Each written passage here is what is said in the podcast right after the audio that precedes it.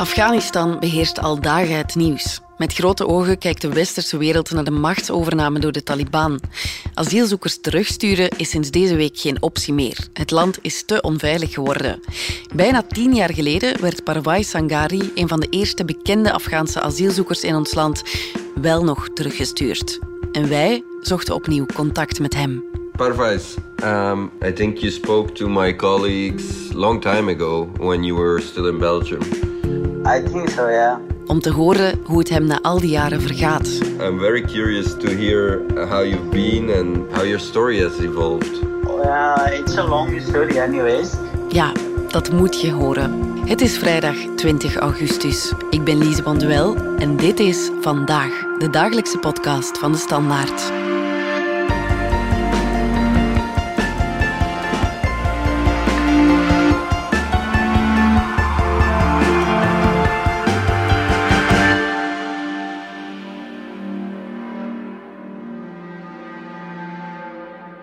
Maandag zei Sami Medi, de staatssecretaris voor asiel en migratie, dat hij toch geen uitgeproduceerde asielzoekers meer zou terugsturen naar Afghanistan tot eind september. De situatie in Afghanistan is zo verschrikkelijk dat het duidelijk is dat Afghaanse vluchtelingen op dit moment niet teruggestuurd kunnen worden naar hun land, omdat niemand daar in een regio kan terechtkomen waar hij of zij zich veilig zou kunnen voelen. Puur moreel gezien de toestand in het land. Maar goed, Casper Goedhals, jij ontdekte dat er intussen wel opnieuw twee Afghaanse asielzoekers een negatief antwoord hebben gekregen op hun asielaanvraag. Wat betekent dat ze teruggestuurd moeten worden? Vertel eens. Woensdag hoorden twee uh, Afghaanse mannen dat ze geen asiel krijgen in België. Hun uh, aanvraag was geweigerd door het commissariaat-generaal voor de vluchtelingen en de staatlozen. En in de motivatie van die beslissing lazen we dat Kabul een veilige stad is mm -hmm. en dat er geen elementen zijn om aan te nemen dat ze niet kunnen teruggedreven worden naar Afghanistan. Voor die uitspraak werd er verwezen naar rapporten die ondertussen sterk achterhaald zijn uit juni van dit jaar, uit september vorig jaar van ja. uh, Europese asielagentschappen. En daarin staat dat eh, de stad Kabul, net als andere Afghaanse steden, stevig onder controle is van de Afghaanse autoriteiten, de politie, het leger. Maar dat is natuurlijk niet meer zo. In de laatste weken hebben we gezien hoe Afghanistan in snel tempo is veroverd, uh, terugveroverd door de Taliban. En hoe er in Kabul nog steeds gevochten wordt. En het land dus niet veilig is en zeker ja. de steden niet.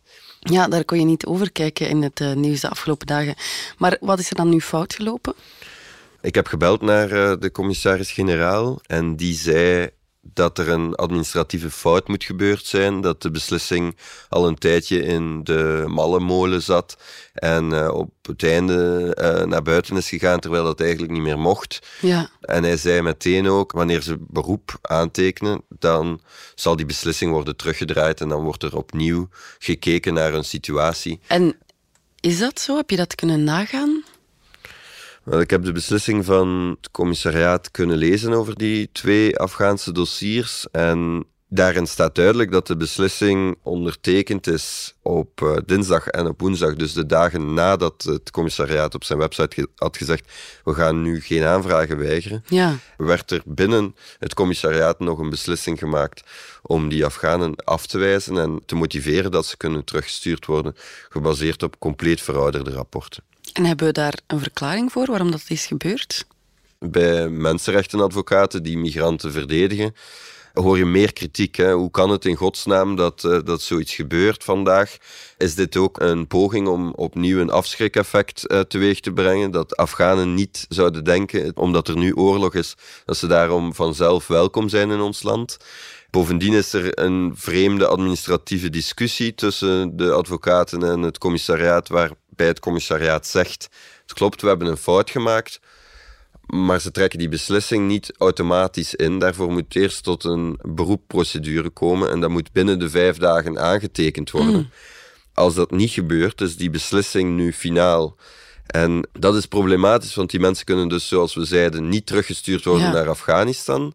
Ze kunnen hier ook, als die beslissing standhoudt, mogen ze hier niet zijn. Dan krijgen ze een opdracht om het grondgebied te verlaten.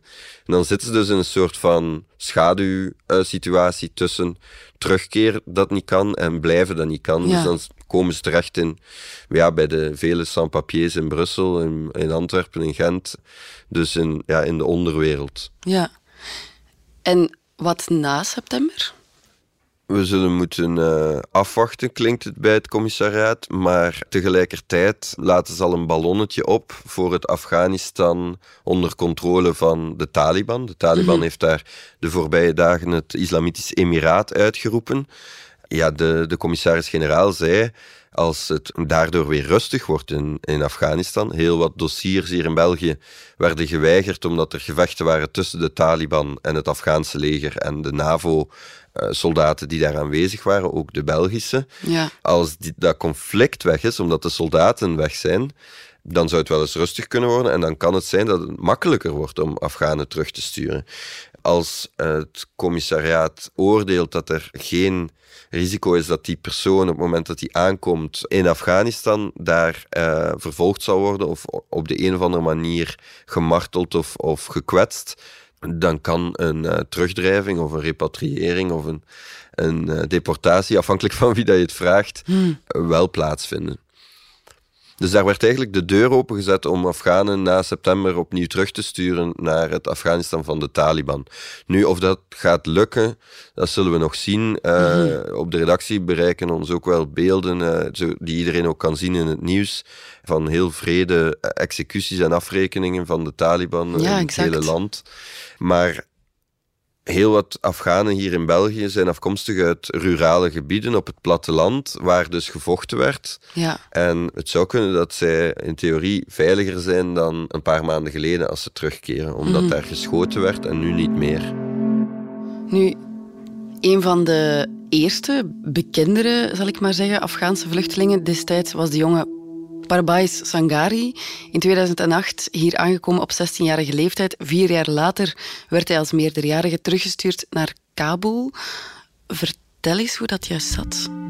Ja, Parwais Sangari eh, was in 2012 een 20-jarige Afghaanse jongen die teruggestuurd werd naar Afghanistan. As far as I remember, when I landed in Kabul, uh, Kabul International Airport, there, there were four people with me who escorted me to Kabul. Four policemen. They were Belgian, Right. obviously. So they escorted me to Kabul, mm-hmm. and then that's it. That was it for them. That was their job. But then when the officer came, he just let me go. But I told him like, you know, I have this kind of problem with the Taliban and everything. But they, they were like, they just let me go outside. They were like, you're free. It's Afghanistan. You can go wherever you want to go. Er waren op dat moment veel debatten over, eh, over migranten die hier minderjarig waren aangekomen en die eh, na enkele jaren, toen ze vo- volwassen waren, werden teruggestuurd. Er was ook Scott Magno, een Cameroener, die eh, niet werd teruggestuurd, waar Maggie de Blok een beslissing maakte om hem te regulariseren. In het geval van Sangari kwam die beslissing er niet en werd hij teruggestuurd naar eh, Kabul. Eh Maggie de Blok reageerde toen ook in de pers dat eh, hier in eh, België, in Brussel, in de Brusselse rand zelfs, is het ook gevaarlijk. Hier eh, durven mensen ook niet over straat komen. Iets waar eh, Sangari nog steeds eh, heel gefrustreerd over is. Ja. I don't know where those uh, minister on that time got the idea of that Afghanistan or Kabul is safer than anyone. Uh, did she said actually? I remember she said the Kabul is safer than Brussels. Nu, het feit dat hij gedwongen moest terugkeren lokte ook wel heel veel verontwaardiging uit, gezien ja, hij wel gold als een modelmigrant. Er werd geprotesteerd aan de kabinetten van de Blok en ook van toenmalig premier Di Rupo. Meneer de eerste minister, meneer Di Rupo. U en uw regering wensen een signaal te geven aan de Afghanen die zich in levensgevaarlijke situaties bevinden, opdat ze geen asiel meer aanvragen in België. Meneer de eerste minister, u bent daarin geslaagd. Maar achter het symbool dat u gekozen hebt, bevindt zich een mens. Vandaag bent u van oordeel dat Parwais moet naar Afghanistan uitgezet worden. De man heeft pleegouders en is in zijn leven beginnen heropbouwen in ons land op 16 jaar. Hij heeft een opleiding tot lasser gevolgd. Hij werkt ook als lasser. De arbeider, de arbeider Parwais, betaalt daarin boven belastingen en als loontrekkende draagt hij mee bij aan ons sociaal systeem. Hij spreekt daarin boven één van de drie landstalen. Dat klopt, hij was op zijn zestiende hier gekomen. In vier jaar tijd sprak hij Nederlands. Hij had een opleiding gedaan. Uh, hij kon een, een, een, job vinden in een knelpuntberoep als lasser. Uh, hij had een netwerk opgebouwd, een pleegmoeder die voor hem instond. Uh, heel wat mensen hier uh, in zijn gemeenschap, in zijn omgeving, waren ervan overtuigd dat hij een toekomst kon hebben en kon bijdragen hier in, in, in ons land. Dus anders dan veel vluchtelingen die het veel moeilijker vinden om te integreren, was dit een verhaal van iemand ja, die een tweede, een, een, tweede bestaan leek op te bouwen hier in België. Nu, je hebt hem na al die jaren teruggevonden. Hè? Vertel eens, hoe is het met hem? Het was eigenlijk een idee van uh, onze chef politiek, Jan Frederik, om nog eens te kijken hoe zit het met uh, Parvais Sangari. Parvais, as we saw the situation in Afghanistan deteriorating the last weeks, we were thinking... Whatever happened to Parvais? uh, we hebben hem dan gevonden op Facebook. Direct ja, schoten onze wenkbrauwen omhoog, want uh, Sangari's woonplaats stond daar aangeduid als Sydney in okay. Australië. Then I remember articles from back in the day that you had gone to Pakistan. But then on Facebook I yeah. saw you are in Sydney. dus ja, wij vroegen ons af hoe kan het dat een, uh, een jonge Afghaan die teruggestuurd wordt naar Kabul, die uh, zei dat hij daar uh, gevaar liep, zijn vader daar vermoord was, die heel bang was, die naar Pakistan was gevlucht. Dat was het laatste dat we hadden gehoord, dat hij na enkele maanden daar weg was gegaan dat hij plotseling in Sydney was. We spreken hier in, uh, in Europa over het Australisch model. Het land dat, uh, dat, dat geen vluchtelingen toelaat, zeker geen bootvluchtelingen. Ja. Hoe is die man tot daar geraakt? En hoe is hij dan in Australië geraakt? Well, it's a long story anyways. I have been in, like through a lot of tough phase when I was deported from Belgium. Mm-hmm. So I couldn't stay in Afghanistan because of the situation and the problem I had. Mm-hmm. And since I didn't have my family there, I couldn't find them and I still couldn't find them. Dat is een vrij waanzinnig verhaal. Toen Sangari in Kabul aankwam, begeleid door Belgische politieagenten, werd hij opgewacht door een uh, Nederlandse journalist die op dat moment correspondent was van uh, De Standaard, mm-hmm. die um, hem uh, daar wilde volgen bij zijn aankomst. Hij is dan uiteindelijk bij zijn oom terechtgekomen. Uh, maar die journalist heeft ook eens rondgekeken van wat, wat klopt er wel en wat klopt er niet aan het verhaal van uh, Sangari. En mm -hmm. daar bleken ook toch wel wat gaten in, in zijn verhaal dat hij hier had verteld uh, te zitten. Maar Sangari hield voet bij stuk, zei dat, hij, dat het allemaal wel waar was en dat ja. hij gevaar liep in Kabul is daarna gevlucht na vier maanden, omdat het gezin van zijn oom ook bezorgd was over zijn aanwezigheid bij hen thuis in Kabul. Is dan naar Pakistan gegaan, naar een gezin dat uh, zijn vader nog gekend had. Daar is iets, ja, het, het lot heeft toegeslagen, zegt hij zelf. Want na drie jaar daar rond te rijden in een taxi om, zijn, om de kost te verdienen, uh, kwam er een delegatie Australische Afghanen naar Pakistan om daar een groot huwelijksfeest te doen en de Afghanen uit de streek te kunnen uitnodigen. Die zijn anderhalve maand in het huis gebleven waar uh, Parwais ook woonde. En daar is hij verliefd geworden op een van de meisjes die meegekomen was. Ah. So we met there and then uh, you know, things happens. Love at first sight, I would say. and you guys yeah. fell in love. Yeah, true. That's amazing. Wow. En dat was dus een Australisch-Afghaanse. Uh, gepraat met de familie zoals dat, dat gaat in een islamitische republiek. Ja. Veel blikken en veel blozen. Uh, en via allerlei omwegen duidelijk maken dat dit echte liefde was. En ze zijn verloofd. Hij is met de papieren van die verloving naar Australië gegaan, waar hij een visum kreeg. Eerst tijdelijk en dan een hele, een hele lange bureaucratische weg afgelegd. Maar nu heeft hij een permanente verblijfsvergunning in Australië. Woont hij in Sydney, waar hij werkt als manager in een, uh, in een bedrijfje dat kebabs maakt. Dus hij heeft een goede baan, hij heeft een goed Ja. huis, uh, een auto. Uh, hij zei ja, ik heb keihard gevochten tegen mijn terugkeer naar Afghanistan. Ik ben doodsbang geweest. Mhm. Maar uh, nu denk ik, misschien moest ik wel teruggestuurd worden, omdat, uh, omdat dit dan mijn, mijn uh, toekomst zou kunnen zijn. Yeah, that's something like sometimes I think myself that like you know the destiny you never know. Yes. I was meant to be here maybe because I did everything to stay back in Belgium, but I couldn't do anything about it, and I maybe I was meant to be here in Australia. Yeah. That's why I got deported. It seems And I almost went like through a... so much uh, tough uh, time and everything. Wow. So uh, I could be here, you know. Ja, zijn doel. Ja, en helemaal hilarisch wordt het als hij vertelt...